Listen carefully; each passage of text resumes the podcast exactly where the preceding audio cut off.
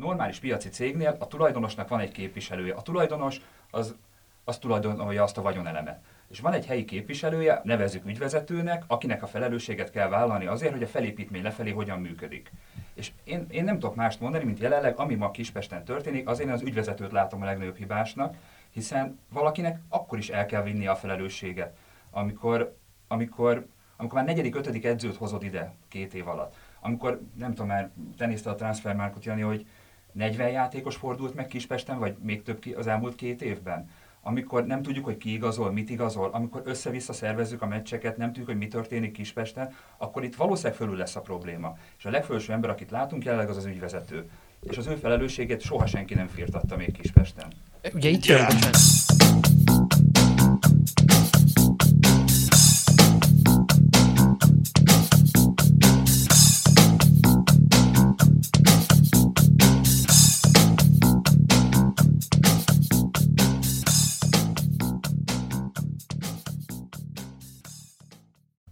Sziasztok, ez itt az Ittszer, a 24.hu focis podcastja, én Kele János vagyok, és szokás szerint itt van mellettem Kálnokik és Attila 24.hu főmunkatársa. Szia! Szia, Ani! Köszöntöm én is a hallgatókat! A Honvéd vezetősége bejelentkezett a mismásolási és felelősséghárítási világrekordokra, a döntés képtelenségét pedig már korábban begyűjtötte, írja a Csak blog a Honvéd szenvedéseiről. Ugye négy mérkőzést vesztett zsinórban a Honvéd a magyar bajnokságban, a legutóbbit igen látványosan 3-1-es vezetés, félidei vezetésről a Debrecen ellen 5-3-ra. A keretben büntetések vannak, három játékost is a tartai csapatba száműztek, ugyanakkor Horváth Ferenc vezetőedző állása egyelőre nincs veszélyben, legalábbis úgy tűnik. Erről fogunk ma beszélgetni Gazsó Istvánnal, a Csak blog szerkesztőjével. Szia! Hello, hello János! És Filipov Gergővel, aki kispesti ultra. Szervusz! Sziasztok! No, hát kicsit fejtsétek ki nekem ezt a címet, hogy mivel is jelentkezett be erre a megtisztelő címre, vagy rekordokra a kispesti vezetőség?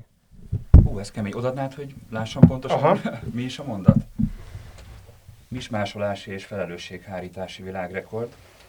Szóval ezt mi messzebbről kéne indítani, mondjuk az elmúlt két évből, ugyanis a Honvédnál az elmúlt két és fél évben óriási változások történtek, új tulajdonosak van a Honvédnak jelenleg, és, és az új tulajdonosi kör egy új ilyen szervezeti struktúrát is felépített, és ebben a struktúrában, hogy fogalmazzak szépen, a marketing köré épül minden. A marketing köré épül minden, igen, és a, nem nagyon látni azt a klubnál, hogy az a struktúra, amit ők próbálnak a, a világ felé közvetíteni, annak, annak mi, lenne, mi lenne a, hogy mondják ezt a mechanizmus, a döntési mechanizmus a föntről lefelé. Tehát van egy klubvezetőség, van egy valamilyen szint mögötte, és van az a, a csapat, meg a játékosok, az edző, szurkolók, stb.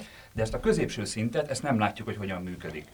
Ez a középső szinten viszont Viszont minden döntésnek itt kéne lennie. Tehát itt kell kiválasztani az edzőt, itt kell játékost igazolni, itt kell meghatározni a klub céljait, itt kell létrehozni akár egy ilyen egy ilyen felnőtt programot, hogy az utánpótlásból hogyan jönnek fölfelé a játékosok, és ezen a középső szinten, mintha nem működne jelenleg a klub. Amióta az új tulajdonosi kör van Kispesten, ezen a középső szinten, vezetői szinten mondjuk így, egyszerűen nem történnek meg azok a dolgok, amiknek egy normális cégnél illenének megtörténnie.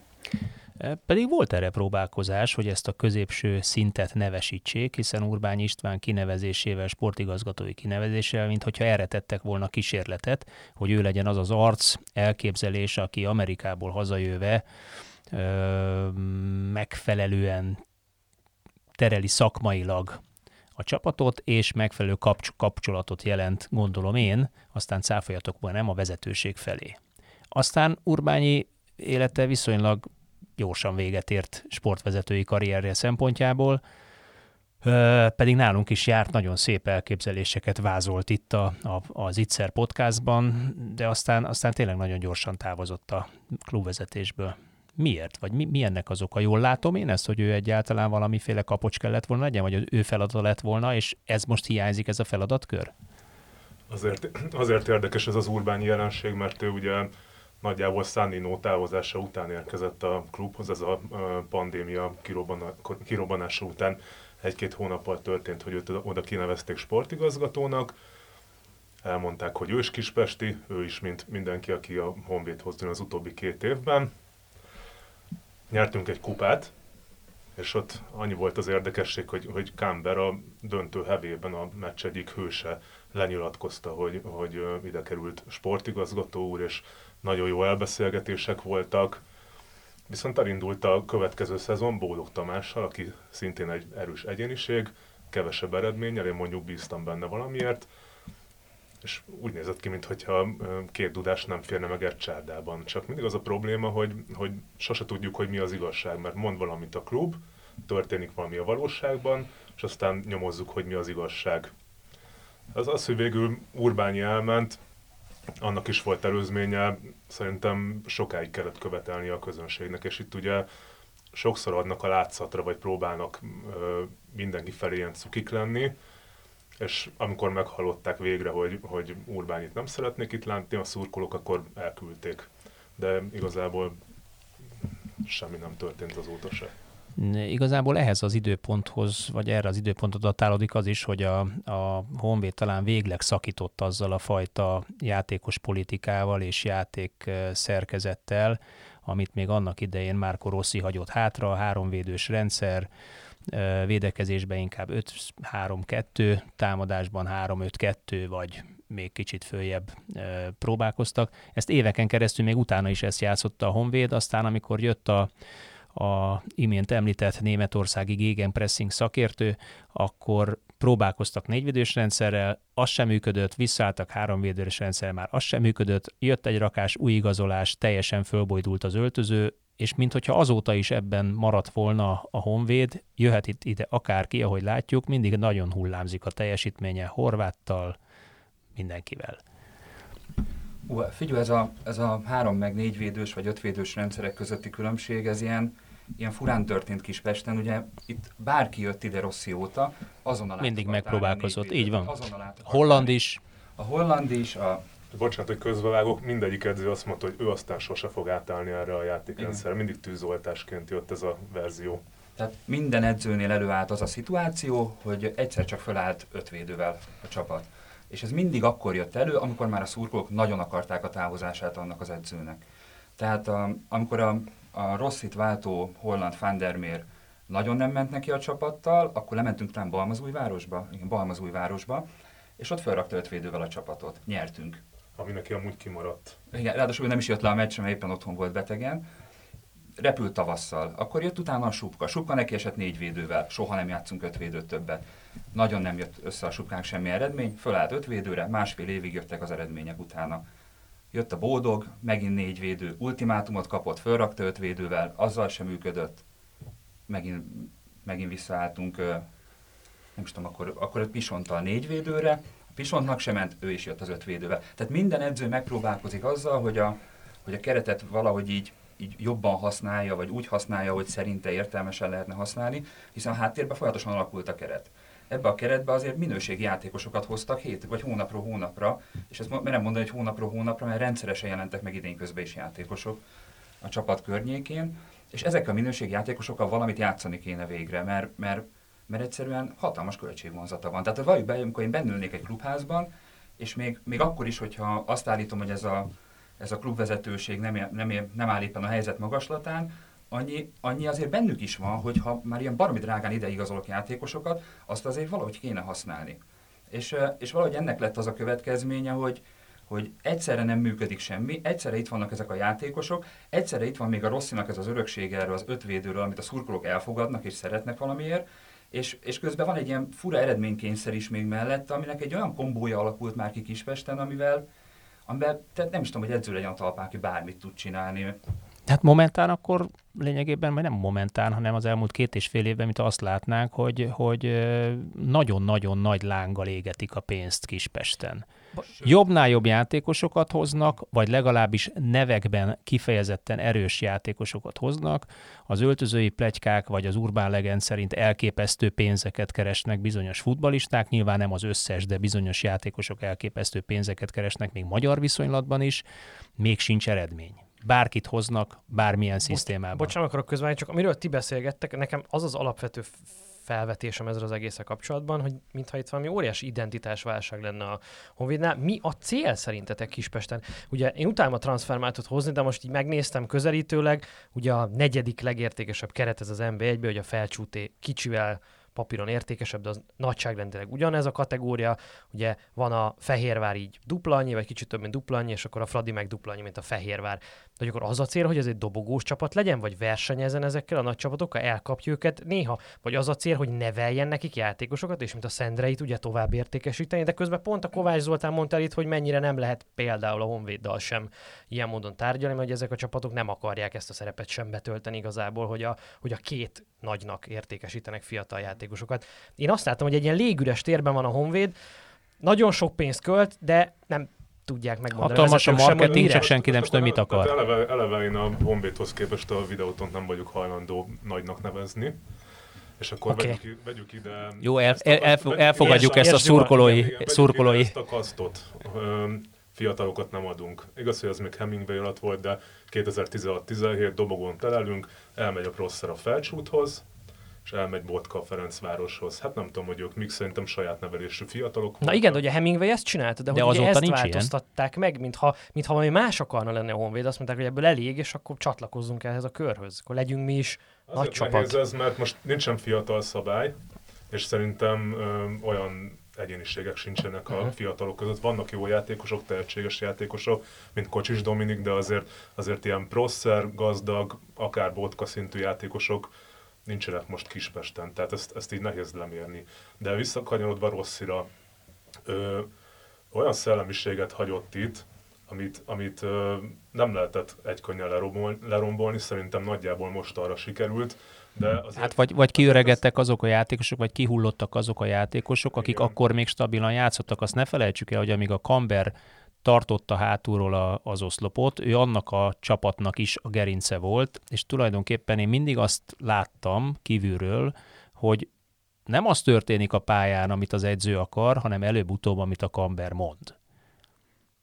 de, És de- Kamber de mindig, ha, visz, mindig visszatolta ebbe az irányba. Elfogadták őt a, az edzők egyfajta kapocsnak a csapat és a, az edző között, tehát hogy akkor az is igazából edzői beleegyezéssel történhetett szerintem. Hát, vagy az edző féltette az öltözőt. Az persze, igen. Igazából ami a, amit a Rossi hagyatékban nagyon-nagyon nagyon látványos szerintem ebbe az évben, hogyha megnézitek, akkor január óta gyakorlatilag lecserélődött a Kispest. Tehát akik most hétvégén játszottak, annak a csapatnak a nagy része január óta érkezett a Kispesthez. És megint mi volt az ötlet, hogy visszaállunk öt védőre. Visszaállunk a Rossi féle taktikára. Felcsú, felcsúton. Felcsúton is, igen. És, és valahogy ez a, ez a Rossi hagyaték, ez, ez egyszerűen a klubházból úgy ki, kiírthatatlan, hogy azóta lecserélődött a tulajdonosi kör. Átköltöztünk egy akadémiára, új stadion van, lecserélődött a játékos állomány, egyedül a szurkolók maradtak a, a helyükön, és mégis, mégis valahogy a Rossi mindig visszaeszi magát. Tehát, hogy ez a Rossi féle nem is tudom, játéketosz, ez máig visszaeszi magát Kispesten. Hát azzal volt sikeres utoljára. De ez ez a probléma? Egyébként? Nem, nem, nem azt mondtuk, hogy Nekünk probléma. nem probléma, az valószínűleg az utódainak probléma, meg a vezetőknek probléma. Mert De akkor, ez- akkor ez hogyha én vagyok egy, a hogyha, Ja, bocsánat, nem. igen, hogyha én vagyok egy vezető, egy klubvezető, és, és azt látom, hogy az ötödik edzővel is visszakanyarodunk ugyanoda, akkor nem úgy próbálok meg edzőt keresni, aki hasonló felfogásban, hasonló játékszerkezetben járatos, hasonló gondolkodásmódú, mint amilyen Rossi volt? Mert akik, akiket Jánosnak felsoroltatok, azok mind tök mások. Jánosnak volt itt egy kérdése, hogy mi a cél Kispesten, tehát ezt se válaszolták meg. Amikor volt egy székfoglaló, ké- 2019 tavaszán, a kupa döntő előtt, még nem tudom, hogy azt melyik tulajdonosi körnek adjuk, Hemingway volt még, de ők már akkor nyilatkozták, hogy ez a klub a Ferencvárossal meg a Fehérvárral fog versengeni. Nem szeretne, fog versengeni. És azóta nem hallottunk más célt. Hát azóta egy éven keresztül a kiesés elől versengtek. Most egy picikét jobb a helyzet, most inkább hullámzó a teljesítmény, mint stabilan halovány, de hát most sem az igazi. Szerintetek ez edzői probléma is, vagy csak klub identitás és vezetői Le- probléma? Le, lehet edzői problémának nevezni, csak kihozza ide a vezetőedzőt, kimondja el neki, hogy mi a feladata. Révész úrral se szeretnék például hozni, de, de ő, hogyha, azt látja, hogy az edző nem igazodik az ő filozófiájához, akkor azért elküldi hogyha nem hapolja a Duna Szerdahely. Hát vagy ha rászólnak, hogy el kell engedni az edzőt, akkor elküldi. Igen. Főnöke. Nekem, nekem megütötte a fülemet, amit az elején emlegettetek, ez a marketing központú klubépítés. Ugye a marketing központú klubépítés szerintem ez egy valid felfogás, nyilván van egy tulajdonos. Még akár jó is lehetne, hiszen a marketingnek bocs, az a célja, hogy piaci van, bevételekre bocs, van egy, szert. Annak, ne, onnan kezdünk, hogy van egy tulajdonos, akinek ugye az a célja, hogy a saját egyéb vállalkozásának, vagy a saját személyeinek, vagy más brandjeinek ugye figyelmet generáljon a focin keresztül. Ezt máshogy is csinálják, nem tudom, Paris Saint-Germain, mesélhetjük tovább ezeket a klubokat. Az a kérdésem, hogy oké, okay, de kinek, minek csinál marketinget a Honvéd? Ez egy jó kérdés, mi két éve gondolkodunk rajta gyakorlatilag. Magyarországon gyakor... jelenleg nem lehet bevonzani nézőt a stadionba. Azért azt valljuk be, hogy új nézője gyakorlatilag senkinek nincs. A, amikor itt új néző jelent meg, az az volt, amikor a videóton felhozta kb. A, az Európa Liga meccseit a Fradi pályára. Akkor a videótonnak mondjuk 15 ezer nézője volt. Stabilan új nézőt bevonzani ma Magyarországon lehetetlen. Akiket Kispesten, most és akkor térjünk vissza Kispestre, akiket Kispesten el lehetne érni, az a klasszikus közege a Kispestnek, ez a délpesti, vagy délpestről elszármazott helyi közösség. Viszont amit, a, amit marketing néven művel a Kispest, vagy csinál a Kispest jelenleg, az egy ilyen, ez a kiszórjuk a pénzt valahogy mindenféle targetálás nélkül a Facebookon, és mindenkire lövünk egyszerre. Tehát nem, nem, meg se próbálja megkeresni azt a közegét, amit ha visszacsábítana, akkor azt meg is tudná tartani. Hanem helyette mindenhova lő. És ez egy olyan dolog, ami, ami nem működik a magyar futballban az elmúlt 20 évben. A magyar futballban 20 évben zuhan a nézőszám. Így nem lehet behozni embereket. Nem, egyszerűen nem értem nem tudom, Gergely. Bocs, én, bocs, én úton útfélen találkozok a, a Honvédnak a plakátokja, mikor, szóval gyakorlatilag tudom, hogy mikor milyen meccs lesz, mert egyszerűen csak járok az utcán, ez szerintem elképesztő mennyiségű pénzbe kerül. Hát, hogy most nem akarok azzal De nem elsősorban hogy... Kispesten jársz, nem, nem, ezt, nem, ezt persze, szögezzük nem, le. Nem. Orsz... korábbi szerződés alapján vannak. Még autópályák mellett is láttam ezeket a plakátokat. Most nem akarok ezzel példázni, hogy ellenzéki pártok nem kapnak plakáthelyeket ebben az országban, és egy, egy futballcsapat pedig ugye ilyen volumenben hirdeti magát, ami nem baj összességében, csak tényleg, mint hogyha ez a célzás hiányozna, meg ugye ez nem látszik a, a nézőszámon, nem látszik a, nem tudom, hogy látszik a közösségi médiában, nem tudom, divatosabb lettem most Honvédnak szurkolni manapság. Szerintem egyébként... 2017-ben volt, 2017-18 táján. Hát nem mondom, hogy divatos volt hát, Honvédnak szurkolni, de irigyeltek minket. Elmondom, ott. hogy ott, ott mi lehetett. Ugye egy, egyrészt ott volt egy verseny, ahol, ahol a, a nem fehérvári érzelmi szurkolók valószínűleg mind a Honvédnak szurkoltak pluszba hozzájárult az is, hogy a, a Ferencváros szurkolók nem jártak be a, a Kubatov Gáborral való csata miatt, és ugye amit mond az István a, a délpesti közönség bevonzása, tetszik, nem tetszik, szerintem vannak ingadozó emberek, akik mondjuk, hát valószínűleg inkább Fradi szurkolók, de respektálják ezt a közösséget, vagy hogy ez, a, ez egy kisebb klub, és öm, Trabanttal versenyez vele, előzte a Ferrari-t, akármi miatt, hangulat miatt, mégis hozzánk pártolnak furcsa, de szerintem ebbe lehet valami. Oké, de azért a pályán mégsem marketing eszközökkel dől az eredmény. Tehát értem én, értem én ezt az identitásválságot, meg, meg értem azt, de tulajdonképpen a, a klub mégiscsak azt mondom, hogy jól vagy rosszul, de teszi a dolgát, leigazolja azokat a játékosokat, akiket kér az edző, vagy akik a piacon fölelhetőek, létező legjobbak, van minden posztra két-három ember, mindenki versenyzik, van vezetőedző hozzá, aki állítólag nagyon jó, aztán a pályán kirakott teljesítmény. Szerint hát nem, nem tudom, hát állítólag nagyon jó, és a pályán, hát nyilván a tulajdonosok szerint, mert ők választották ki, hát valószínűleg ő szerintük, ők bíznak benne, feltételezem. Nem értek egyet ezzel, hogy, hogy két játékos van minden posztra, és azzal hogy minden posztra van játékos. Jó, akkor, akkor sok játékos van.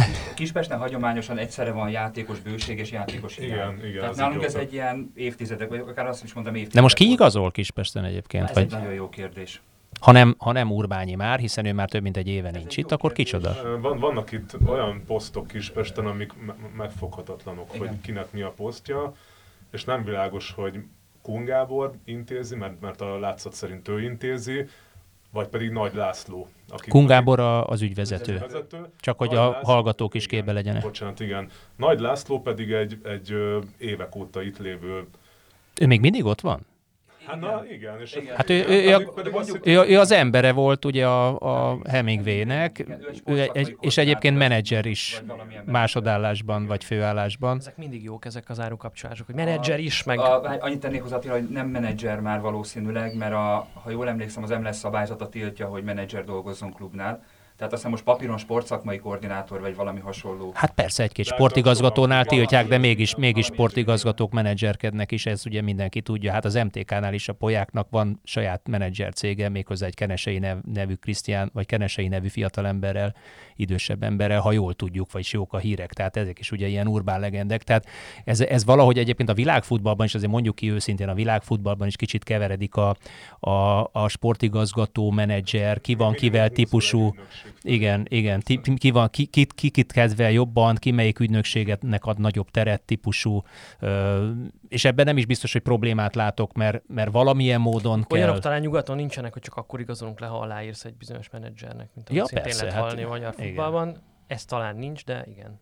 Amúgy Igen. igen. persze, ez nyilván egy teljes szürke zóna, tehát nem véletlen, hogy sorra születnek erről a könyvek, a, hogy, hogy mennyire volt ez szabályozatlan, meg egyáltalán hogyan kereskednek a játékosok különféle jogaival. Tehát én ezt nem akarom úgy beállítani, hogy itt minden rossz és nyugaton minden jó, de itt, itt valóban vannak ilyen érdekkonfliktusok. Na de százszornak is mintha- vége, a pályára kitett teljesítmény mégsem mutatja azt az akaratot, ami... Egyébként az igazolásokhoz, attól még, hogy nem tudjuk, hogy ki igazol, attól még ennek van felelőse. Tehát, hogy az most lényegtelen, hogy a Nagy László igazol, vagy a Kun Az a igazol. lényeg, hogy a klub tudja, hogy ki felel érte. A, tehát a klub szervezet, ahogy kezdtük az egész beszélgetést, annyira nem egyértelmű ez a klub szerkezet, vagy klub szervezet jelenleg, hogy nem tudjuk, hogy ennek ki a felelőse. Tehát az én nézőpontomból, és én erről szoktam mostában írogatni, az én nézőpontomból megpróbálom elképzelni egy cégként ezt a Honvédot, jelenleg egy normális piaci cégként. Tudom, hogy nem az. Nyilvánvalóan sok sebtől vérzik ez a hasonlat, de egy normális piaci cégnél a tulajdonosnak van egy képviselője. A tulajdonos az, az tulajdonolja azt a vagyonelemet. És van egy helyi képviselője, nevezzük ügyvezetőnek, akinek a felelősséget kell vállalni azért, hogy a felépítmény lefelé hogyan működik. És én, én nem tudok mást mondani, mint jelenleg, ami ma Kispesten történik, azért én az ügyvezetőt látom a legnagyobb hibásnak, hiszen valakinek akkor is el kell vinni a felelősséget, amikor, amikor, amikor már negyedik, ötödik edzőt hozod ide két év alatt. Amikor, nem tudom már, te nézted a transfermárkot, Jani, hogy 40 játékos fordult meg Kispesten, vagy még több ki az elmúlt két évben? Amikor nem tudjuk, hogy ki igazol, mit igazol, amikor össze-vissza szervezzük a meccseket, nem tudjuk, hogy mi történik Kispesten, akkor itt valószínűleg fölül lesz a probléma. És a legfelső ember, akit látunk jelenleg, az az ügyvezető. És az ő felelősségét soha senki nem firtatta még Kispesten. Ugye itt jön, bocsánat, képbe az, hogyha egy sportszervezetnek van, egy cégnek van egy tulajdonosa, és ugye folyamatosan nem teljesülnek a célok, amik miatt ő a pénzt ebbe a csapatba teszi, akkor ugye nyilvánvalóan meg fogja találni az ügyvezetőt, vagy a közvetlen alatta lévő embert, akinek a felelőssége az, hogy jól működjön operatíve egy klub vagy cég. Most benne felvetődik a kérdés, hogy ez nem történik meg Kispesten hosszú ideje, ez a probléma, ugye, hogy nincs felelőse a folyamatos rossz vagy össze-vissza működésnek. Nem az-e a cél akkor itt valójában, hogy el legyen költve csomó pénz? Hogy vegyünk sok játékost, forgassuk meg a transferpiacon, hirdessünk sok pénzért a Facebookon, meg az autópályák mellett, és tűnjön úgy, mintha? Most én fogok naívnak tűnni. Nehezen tudom elképzelni azt, hogy ma jelenleg Kispesten bárki a Kispest eredményessége ellen dolgozzon. Tehát, hogy ha ez bennem felmerülne valaha, hogy bárki a Kispest klubházában jelenleg a Kispest eredményessége ellen dolgozik, akkor bennem esküszöm egy világomlana össze. Ja, nem is, nem is mondta Nem szerintem a hogy Jani. ellene, csak hogy hát Csak jó, hogy- ha, hogy mint el- az egész el- egy a lényeg- futball, hogy teszünk bele egy csomó pénzt, Egy a lényeg, ha NB1-be működne, maradjunk. De, de igazából nem ez a lényeg. Ez, ezt akkor olyan szempontból tudom elképzelni, hogy hogyha mondjuk közepes embereket viszel oda, akkor, akkor adminisztrálják, hogy elvégeztük a, a ránk kirót munkát. Ez igaz, de itt nem közepes embereket vittek oda papíron. De nem a labdarúgókról beszélek, hogyha mondjuk a akármelyik más szegmensbe Mhm. oda visznek embereket. Most itt az elköltött pénzre gondolok, hogy gyerekek, ennyi pénzünk van a hirdetésre, nem jól költik el a pénzt. Nem az, hogy el kell költeni, nem jól költik. Bocsánat, az mennyire mindennapos, hogy egy kereskedelmi tévés ismert arc, egy kommunikáció igazgató egy klubnál, és nem ellene beszélek, mert lehet, hogy nagyon jó kommunikációs igazgató, csak ezek ilyen olyan szintű, nem tudom, luxus igazolások, vagy amik olyan eddig így nem voltak a magyar futballban, vagy nem biztos, hogy látja az ember ennek a hatékonyságát, az értelmét és a hasznát. Eleve miért menne valaki a kereskedelmi tévéből? Jó, persze klubszimpátia, klubszeretet, szurkolói hovatartozás, de Erre, erre, erre azt tudom mondani, hogy legalább van rá példa. Igen. Öm, tehát például mondanék nevet, MTK-nál volt Szebeni István, ő is egy, egy ismert Aha. arc, a Ferencvárosi Torna Klubnál Bolli György, ő is... Ő is egy ismert név. Igen, igen, ő is ismert név. Vagy nem ismerjük? De ismerjük. De csak nem televíziós arcként ismerjük, máshonnan ismerjük. Bulvár médiából. Igen, de, de hát, hogy nem tudom, szerintem, hogyha nincsen, nincsen meg a másik munkahelye, akkor az nem biztos, hogy uh-huh. összeférhetetlenséget szül. Nekem ezzel így... Nem, nem is az összeférhetetlenség, csak ugye ezek az ilyen nagy, nagy, nagy stílű, vagy ilyen nem tudom, luxusnak tűnő igazolások, amik aztán nem biztos, hogy feltétlenül közvetlenül szolgálják a klub eredményességét. attól függ, attól függ hogy, hogy kértek-e tőle bármiféle munkát előzetesen, uh-huh. koncepciót, víziót, három éves tervet, öt éves tervet, ezt nem, nem tudhatom. Ja, de, de én, én, én továbbra is visszatérnék a pályára. Tehát, ugye a, a futballnak a végkimenetele mindig az, hogy 1-0, 1-1 vagy 1-2. 5-3. Vagy 5-3, és 3-1-ről 5-3, vagy egy, hogy van 3, 1-3-ról 5-3 a Debrecen szempontból. Szóval azért ez, ezek, ezek mégiscsak ott sülnek ki. Ott, ott mi a probléma? Hát nézzük. Tehát, ugye kecskáldozás, bar, bar játékvezető. Túró Rudi pöttyökkel? Igen, de, igen, de, de amióta idejöttek a, a, az új tulajdonosok, Krajova óta van ez tényleg, tehát hogy ott, ott kihullott egy kapusunk, egy évig nem volt gyakorlatilag kettő kapusunk, de volt, hogy egy se volt. E, aztán volt a, a koronavírus, volt a, mik voltak még, bejött a videóbíró, az is mindig ellenünk van. Igen nem tudom, neked még eszedbe Ezt most idézőjelesen mondod, vagy... vagy, vagy hát, hogy, hát, hogy, hogy, hogy egy olyan, hát a, vezetőedző nyilatkozta a mezőköves meccs után, hogy... Tehát, hogy mindig van kifogás, hogy értsük jól. Van, hogy így kikapunk, uh-huh. csak úgy azt is a blogon valahogy megfogalmaztat, hogy valakit előtt a nem tudom, kedilek, meg... Igen, hogy akkor egyszerre van nagyon sok baleset. Igen, tehát... igen. A, igazából nekem a legarcpirítóbb kifogás az az volt, amikor egy szerdai meccsre Zalaegerszegre kellett utaznunk, és, és ezt valahogy nem is tudom, sportszerűtlennek, vagy minek mondta, hogy csorbult az esélyegyenlőség. Most, most, most legutóbb. Kupa meccse le kellett utazni Zalaegerszegre. Tehát azért ez, ez mennyi? 250 km Budapesttől. És egy nappal előbb szoktunk utazni a mérkőzésekre idegenbe. Tehát, hogy mindig van valami kifogás, speciál azt a meccset megnyertük. Azon kevés. De hogy mindig van valamilyen olyan kifogás, hogy ami tényleg, amit a Gerbi idéz, úgy próbáltuk úgy megfogalmazni, hogy olyan nincs, hogy valaki egyszerre süllyed el a Titanikkal, robban föl a Challengerrel, és akkor ezt így lehetne sorolgatni egymás de, de nézzük meg, hogy mi, mit kaptunk cserébe. Tehát a Ferencváros ellen 60 percet lejátszottunk emberelőnyben, Mezőkövesd ellen 70 akárhányat lejátszottunk emberelőnyben, mind a kettőnek vereség lett a vége, a Kövesd ellen ö, nyertes pozícióból kaptunk ki, 11-est is kaptunk Debrecenben, szóval én, én nem tudom, tehát szerintem ezek így kiegyenlítik egymást, ezek a pályán történt sérelmek. És mégsem megy. Ahhoz a fajta uh, visszatérő edzői magyarázathoz mit szóltok, hogy, hogy hiányzik a szív, hiányzik az akarat, aztán meg, aztán meg most volt szív, most volt akarat. Nekem, nekem ezzel mindig az a problémám, csak hogy... ilyeneket feszegetünk, ne csináljuk már nem. De, de csak akkor befejezem, tehát nekem ezzel mindig az a problémám, hogy, hogy amikor én ilyet hallok, akkor mindig megkérdezem, hogy oké, okay, rendben, és akkor mi volt a taktika? Le volt-e oktatva rendesen a játék? Tehát csak szívből, meg csak akaratból nem lehet, mert persze futkároznak ezek a játékosok tiszta szívből, de hogyha össze-vissza futkároznak, az ugyanolyan rossz. Jó, de ez a mikroszint, én egy kicsit fölülről nézném most ezt meg. Na nézzük akkor fölülről. A, nem tudom, emlékeztek, amikor a videótonnál megjelent a nagyon sok pénz még a 2010-es évek elején. A Mezei György volt ott az edző, Svédországból igazoltak írtozatos pénzért két játékost. Bolyán Györgyics. Valami, valami, igen, valami másikat igen. is. Ketten játszottak együtt nyolc meccset gyakorlatilag, írtózatos pénzért. Utána megjelent a Fradinál a, a pénz, és uh, valahogy nem ment a Fradinak, nem tudtak bajnokság. Jöttek a német harmadligás játékosok nagy pénzért. És mind a kettőnek volt egy olyan mázlia, a Videotonnak a Souza, a Fradinak a Rebrov, aki rendbe tette a klubot. Tehát kívülről érkezett, óriási hitelessége volt a, akár a magyar sajtóban, akár a világ sajtóban, és megtanította elkölteni a pénzt ezeket a klubokat. De akkor mégiscsak edző problémáról beszélünk, és vezetői problémáról? Szerintem, ha. szerintem itt az a új magyar futballnak az egyik legkomolyabb problémája az, hogy istentelen mennyiségű pénzt döntöttek rá, viszont jelenleg nincs Magyarországon olyan ember, aki ezt el tudná költeni normálisan. Tehát nincs Magyarországon olyan klubvezető, aki valaha sok pénz birtokába lett volna, és azzal kellett volna együtt dolgoznia. De az imént említett emberek nem klubvezetők voltak, hanem edzők. Igen, ezek az edzők nevelték ki a klubvezetőket.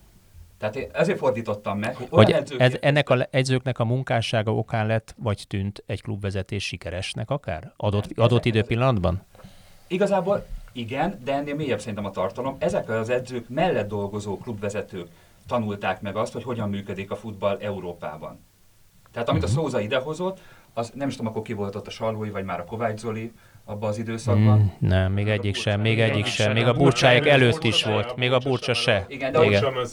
De hogy ott már elkezdett a Videótól normálisan költeni, normálisan igazolni játékosokat. A Fradinál a Rebrov alatt alakult ki az, hogy... Hát ezek, dik- ezek diktatúrák voltak ebből a szempontból. Jött egy messziről, jött nagyon hiteles Rád- edző, rád az és azt mondta, hogy így kell csinálni, mert ki vagy te, hogy megmond nekem, hogy hogy kell csinálni. Én Hát a a- Dortmunddal nyertem BL-t, és te... Már Kispestre visszatérve Rossi is ezt csinálta, csak ő, ő azért Kicsi nem szóza, meg nem Rebrov volt, és nem annyi lehetőséggel. És egyébként érdekes, hogy Attila pedzegette ezt az előző podcastokban, hogy amikor, a, amikor megjött Hajnal Tamás személyben az ellenpólus, vagy Rebrov mellé fölfelőtt egy ellenpólus, akkor milyen gyorsan elkezdett nem működni ez, mármint be, belül a Fradinál, hogy hirtelen két, nem tudom, vezér volt, vagy két kapitány a hajón, az ugye nem működik soha.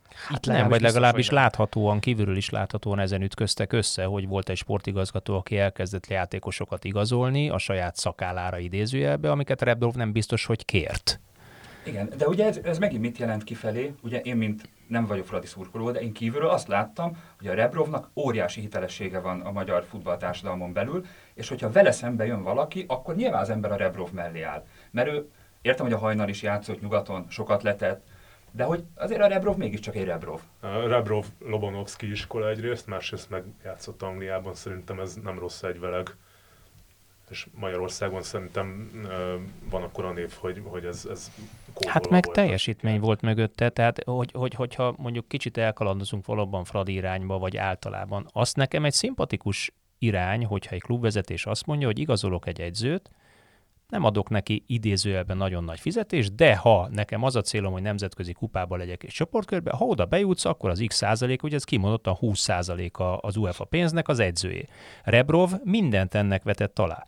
Olyan játékosokat hozott Ukrajnából, és csak azokat játszatta, kupa meccsen, bajnoki meccsen és nemzetközi kupa meccsen is, azt a 13-14 játékost, ez szintén problémát jelentett egy idő után, zárójel bezárva, akikkel azt mondta, hogy na velük képes vagyok megcsinálni azt, hogy bejutok az Európa Ligába, csoportkörbe, és ad abszurdum egyszer sikerült neki a bajnokok ligája csoportkör is. De ez ugyanúgy problémát vetett föl, mert egyébként hoztak játékosokat, akik meg nem játszottak. Egyet nem értem. De Rebrov elég erős volt az az öltözőbe, hogy meghúzza ezt a vonalat, és akkor mindenki kussolt.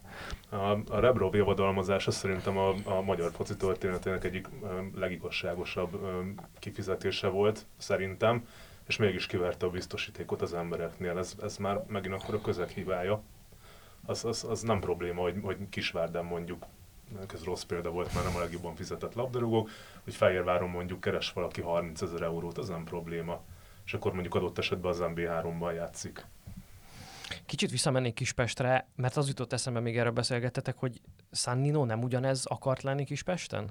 Hogy jöjjön kívülről egy viszonylagosan nagy név, nyilván a Maradjunk az onal, olasz vonalnál rossz maradjunk után. az olasz vonalnál, jöjjön egy, egy viszonylagosan nagy név, és az is egy kérdés felétek, hogy lehet-e Sanninónál nagyobb nevet a Honvéd padjára leültetni, hogy nálatok reális lehet egy saját Szóza, egy saját Rebrov, vagy, nem, vagy ahhoz nem elég nagy a Honvéd, nem elég jól csengő brand még a Honvéd, vagy nincs elég pénz, és akkor nagyjából ennyi, ami eszembe jutott. Most a Sanninót ebből a szempontból hagynám. A Sannino az szerintem egy jó döntés volt, amikor idehozták.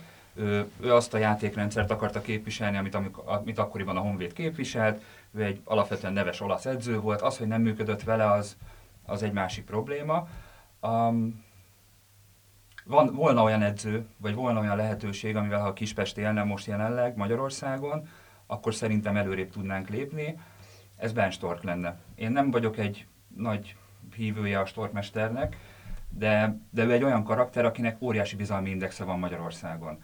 Az EB szereplés, most a, a Andorrai meccsen. Ráadásul utóbbi években megmentő. Igen, tehát hogy ő ráadásul a Dacnál se volt rossz a szereplése, neki egy óriási bizalmi indexe van. Ha ő leülne esetleg a Kispest padjára jelenleg, akkor a klubvezetés azzal szembesülne, hogy van egy óriási erőközpont most jelenleg még Kispesten, rajta kívül. és nem tudnának ellene menni. Tehát kénytelenek lennének együtt mozogni azzal, amit a Stork képvisel. Tehát, hogy egy ilyen típusú emberre lenne most szükség, aki gyakorlatilag talomba teszi a kispesti klubvezetést. Mert hogy az derült ki, hogy itt vezetői válság van nagy valószínűséggel Kispesten, és ezért hoztam a Fradi meg a videóton példát, hogy egy, egy nagyon erős személyiségű edzőre van szükség, aki, aki rendbe teszi a magyar klubokat, mert a magyar klubban a pénz az egy új dolog még mindig. És külföldi, külföldi edző kéne, és külföldi. nem azért, mert én azt mondom, hogy a, hogy a magyarok rosszak, egyszerűen a, a, a játékosok őket tartják hitelesnek, és főleg szerintem a messziről jött játékosok, uh-huh. akikből van bőven. Igen, ez egy érdekes dolog, mert Stork ugye egyszerre kívülálló, miközben nem az, azért a Dacnál dolgozott, a válogatottnál, sőt, hát az MLS-nél sokkal nagyobb szerepet is kapott, lényegében teljhatalma volt egy időben. Uh, másrészt meg ugye a videóton vagy Fehérvár és a Fradi példája szerintem éppen abból indul ki, hogy rengeteg pénzük volt, de volt egy óriási nyomás is arra, hogy ők legyenek sikeresek. Hát ugye ennek a tényleg a legjobb példája Rebrov szerződés, hogy odaadjuk a izé, két-három megyét kapsz, csak vigyél be minket a bajnokok ligájába, aztán persze lehet vitatkozni, hogy 10 külföldi játékossal most akkor mi történt, hogy a Fradi fejtett a BL főtáblára, vagy ez mi segített a magyar futballban, nekem ez ilyen veszőparipám, de látszott, hogy óriási akarat, elszánás, nyomás volt ezeken a klubokon, hogy érjünk el sikert, és hogy honnan jött ez a nyomás, az most mindegy. A Honvédon van ekkora nyomás, hogy bevállalja azt, amiről beszéltetek itt az előbb, hogy a saját magát talomba tegye a vezetőség? Hát kell, hogy legyen. Tehát aki a Kispestnél dolgozik, azon annak egyszerűen látnia kell azt a 110 plusz év történelmet, ami mögöttünk van. Tehát, tehát aki, aki úgy megy be oda, hogy nincs rajta ez a nyomás, az, az tényleg ne jöjjön be másnap. Tehát ennek nincs értelme. Tehát Kispestre úgy megyek el dolgozni, hogy tudom, hova jöttem dolgozni. Azért az egy rang. Pont, pont egyébként a, az ikonom Puskás Ferenc a, a példa erre, hogyha a történelmet nézzük, hogy, hogy Kispesten ő, ő abszolút vezéregyéniség volt, aztán egy más élethelyzetbe került, elhízott, oda került a Real Madridhoz, és felismerte a, a helyzetet, hogy itt, itt be kell állni a sorba. És, és nagyon okosan tette szerintem, és, és ennek köszönhető, hogy 30-on túl egy, egy újabb karriert befutott, egy még nagyobb karriert Madridban. És szerintem ez kéne, hogy példa legyen az emberek előtt akik Kispestre okay, de felvetül bennem a kérdés, hogy azt mondtátok, hogy plusz 110 év, mondjuk ezt, ezt magyar klub jó néhány elmondhatja egymásról. Jó néhány magyar klub elmondhatja, magá, vagy magáról, bocsánat, elmondhatja magáról azt, hogy hogy a, a múlt kötelez, nekünk a bajnoki címért kell játszani, de, hát, de bajnok csak egy lehet, második is csak egy lehet, harmadik is egy lehet. És Stork hitelességét, vagy bizalmi tőkéjét is, vagy bármelyik edző hitelességét és bizalmi tőkéjét csak az növeli, hogyha a csapat működik, és a csapat folyamatosan fejlődő eredményeket mutat. Rebrovnak ezért volt eredménye, Szózának ezért volt eredménye is, vagy ezért lett eredménye és hitele, de még a Nikolicsnak is ezért lett eredménye és hitele, mint addig, amíg össze nem balhézott ott a szervonal a tulajdonosi körrel.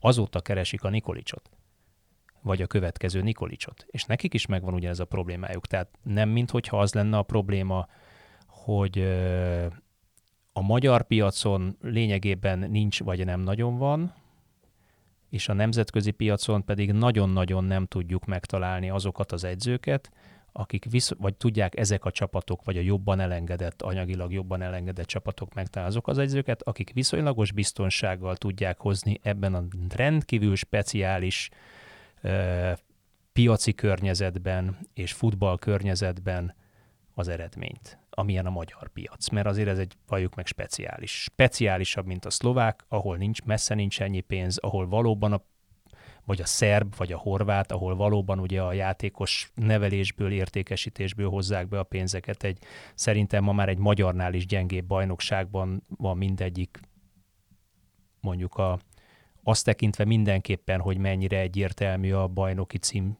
sorsa és az utolsó közti végeredmény. Tehát látjuk, a Kisvárda megveri a Fradit adott esetben, hogyha nem úgy állnak oda, mert a Kisvárdanak most jobban megy. Tehát egy sokkal sűrűbb bajnokság a magyar, mint mondjuk a környező országoké, vagy sokkal kevésbé kiszámítható bajnokság. Tehát nem ez a gond, hogy nem találunk ilyen embereket? Nekem akkor úgy tűnik, látom, bólog az, de nekem, nekem úgy tűnik. Csóváltam a fejem, az igen. a másik. E, bocsánat, csó, oldalirányba csóváltad, mint a bolgár igen volt. A létszámemelés után, ami De meg, meg az jutott eszembe, amit mondtál, hogy persze, de speci- mindig, mi magunkat szeretjük mindig rendkívül speciális esetnek látni, mi teljesen ugye, különlegesek vagyunk a Siriusról érkezve az egész világban, teljesen egyediek vagyunk. Hát de nézd, abban az esetben Valójában mindenki... arról van szó, hogy jó edzőt kell szerződtetni. Hát igen, de a... a magyar szakma jelenlegi vezetőkrémi arra, hogy eldöntse azt, hogy ki a nemzetközi szinten is versenyképes edző, meg ki nem. Alkalmas-e arra, hogy ne Bernard Kazónikat szerződtessen egy klubhoz? Alkalmas arra, hogy fölmérje, hogy mi az árérték aránya nemzetközi piacon? Hát ez a fontos, és árérték arány szerintem azért egy honvédnak még, hogyha külföldre tekint, és nem a storkot hozza ide, akkor még mindig vaktában kell lövöldöznie. De igen, tehát Jani, te ugyanazt mondtad, mint én az előbb, hogy, hogy megtaláljuk-e azt az edzőt. De hogy ehhez nem kell szerintem speciális közenek lenni, tehát... Jó, ebbe igazad van, de ettől még szerintem speciális az a közeg, ahol mondjuk öntik a tűzre a zsét. Tehát, hogy van pénzed jót is igazolni, vagy, vagy megfelelőt is igazolni, vagy árértékarányban jót, tehát, hogy nem feltétlenül kell a legalsó polcon vaktában lövöldözgetned, hanem most már mehetnél észszel is, csak az nincs annyira. Most azt kérdezitek, hogy van-e már bármelyik magyar klubnál olyan szakmai koncepció, ami hosszú távra szól, és ehhez válogatnak edzőt, játékost, akár sportigazgatót? Például. Amikor, amikor, a, amikor a Fehérvár először Európa Liga csoportkörbe jutott, az ugye a Szózával történt meg. Volt egy, volt egy nagy garancsi interjú valamelyik uh, labban, és akkor ott, ott portugál utat vizionálta a Szóza személye miatt. Majd mi történt utána? Jött a, a, Gomes. A, jött a Cassoni. Először Gomes először jött. a Gomes jött, jött igen. a Gomes. Bukott. Igen, és aztán meg aztán a Cario jött, még a Cario ugye, aki segédedző volt a Szózának, ővele még jók voltak, nem? Nem, és tényleg a Cario jött először. Souza, Cario. Nem, Csak... Souza, Gomes volt Gomes volt, tuti, igen? mert hogy Jó, portugál van, mert úgy ugye, tehát nekem ettől hullik le a, a ja, nem, várjál, meze, hajam, mezei ugye, Cario találunk volt, egy, találunk egy, izé, egy, egy, egy jó edzőt, aki történetesen portugál, mi a portugál vonalba hiszünk. Hát mondom én De hogy igen. hisztek? Találtatok, egy, mi, mi az ukrán vonalba hiszünk? Mert most találtunk egy jó edzőt, aki történetesen ukrán. Tehát, hogy ez, ezek, hát ez ez- nem ez koncepció, attól annak hazudjuk, hogy az... Az MLS-nél is öm, tetten érhető, amikor száz éves volt az MLS, és a spanyolokkal kötöttünk együttműködési megállapodást, majd jött a holland vonal, és utána a német vonal, most pedig olasz szövetségi kapitány. Igen, kivel nem kötöttünk még ilyen szerződést? Le vagyunk mindig maradva ebben is. Hát, vagy Jó. keressük az utat, de nem találjuk.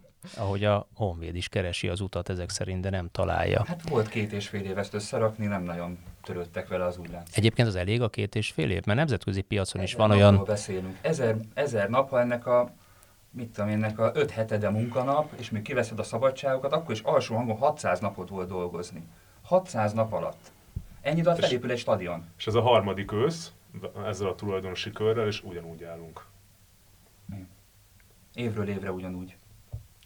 Csak talán jobb játékosokkal. Tehát a Clemens pont lenyilatkozta egy külföldi lapnak, hogy hívták erősebb bajnokságba, de itt többet fizettek, amire utaltál te is, hogy Mhm. speciális hely.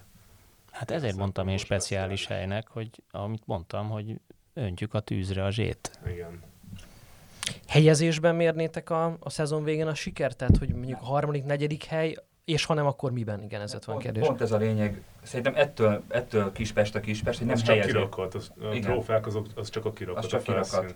Tehát itt meg kell felelni annak az etosznak, amit a Kispest képvisel, ami, aminek van egy olyan része, hogy nagyon sok a környékbeli játékos, nagyon sok a saját nevelés a csapatban hagyományosan, hogy megyünk a bajnokságért, ugye ez az elmúlt 40 vagy 50 évnek a hagyománya, amit hozzátettek, és ha ez a kettőt látjuk, hogy előrefelé megyünk, nagyjából olyan kerettel, amivel tud azonosulni a, a szurkoló kö- közeg, akkor az egy elfogadott idény. A, Például a kezdetnek, hogy az akadémia meg az első csapatnál két idegen testként működjön külön. Ez az akadémia nyilván a klubnak az egyik legnagyobb értéke. És még, még sincsen semmi átjárás a kettő között. Most nem arra gondolok, hogy felhozni mindenkit, de azért tényleg ambiciózus szakemberek dolgoznak évek óta a Herceg Vince meg a Simon Miklós vezetésével, és semmi látszatja nincs ennek a nagy csapatnál, és azért az akadémia magyar szinten azt hiszem tavaly is 3 millió euróért adott el játékosokat, akiket mi soha nem fogunk látni amúgy az NB1-ben.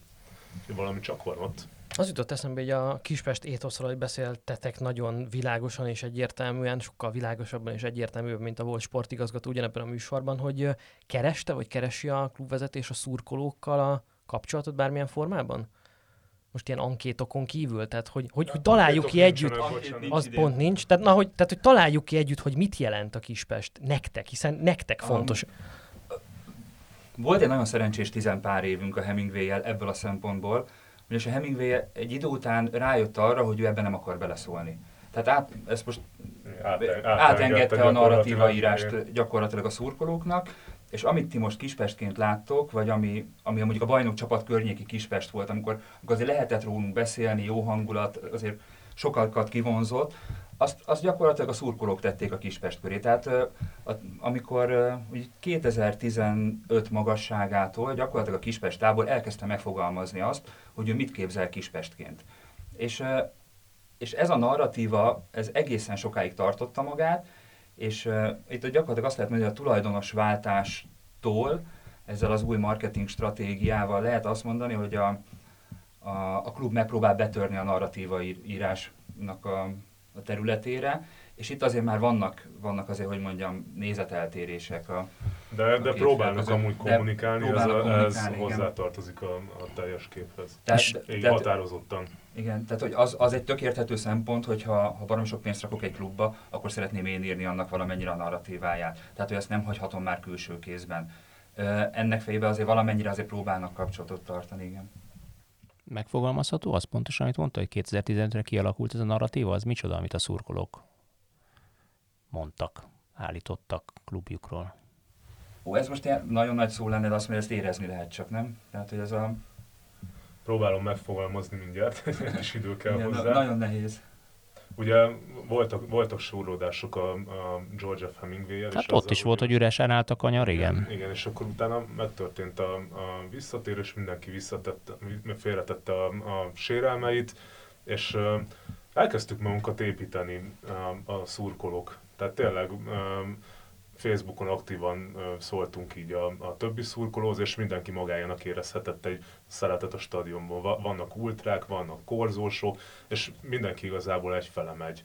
És szerintem, szerintem a, az utóbbi húsz évnek a sikertelensége kovácsolta egybe ezt a közösséget, ami ugye mindig arról, nem, nem, arról, nem helyezésekről szólt, meg bennmaradásról, hanem hogy életben tartani a klubot, mert nagyon magunkra voltunk utalva akkor is, amikor életben kellett tartani ezt a klubot.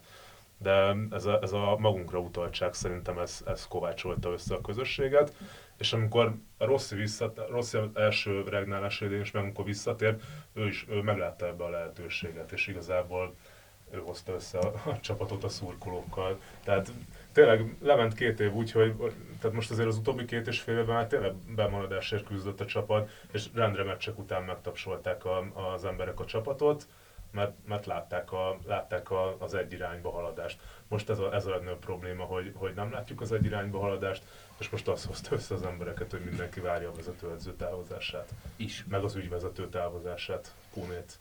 Ennek a kommunikációnak jó példája volt szerintetek ez a címer szavazósdi?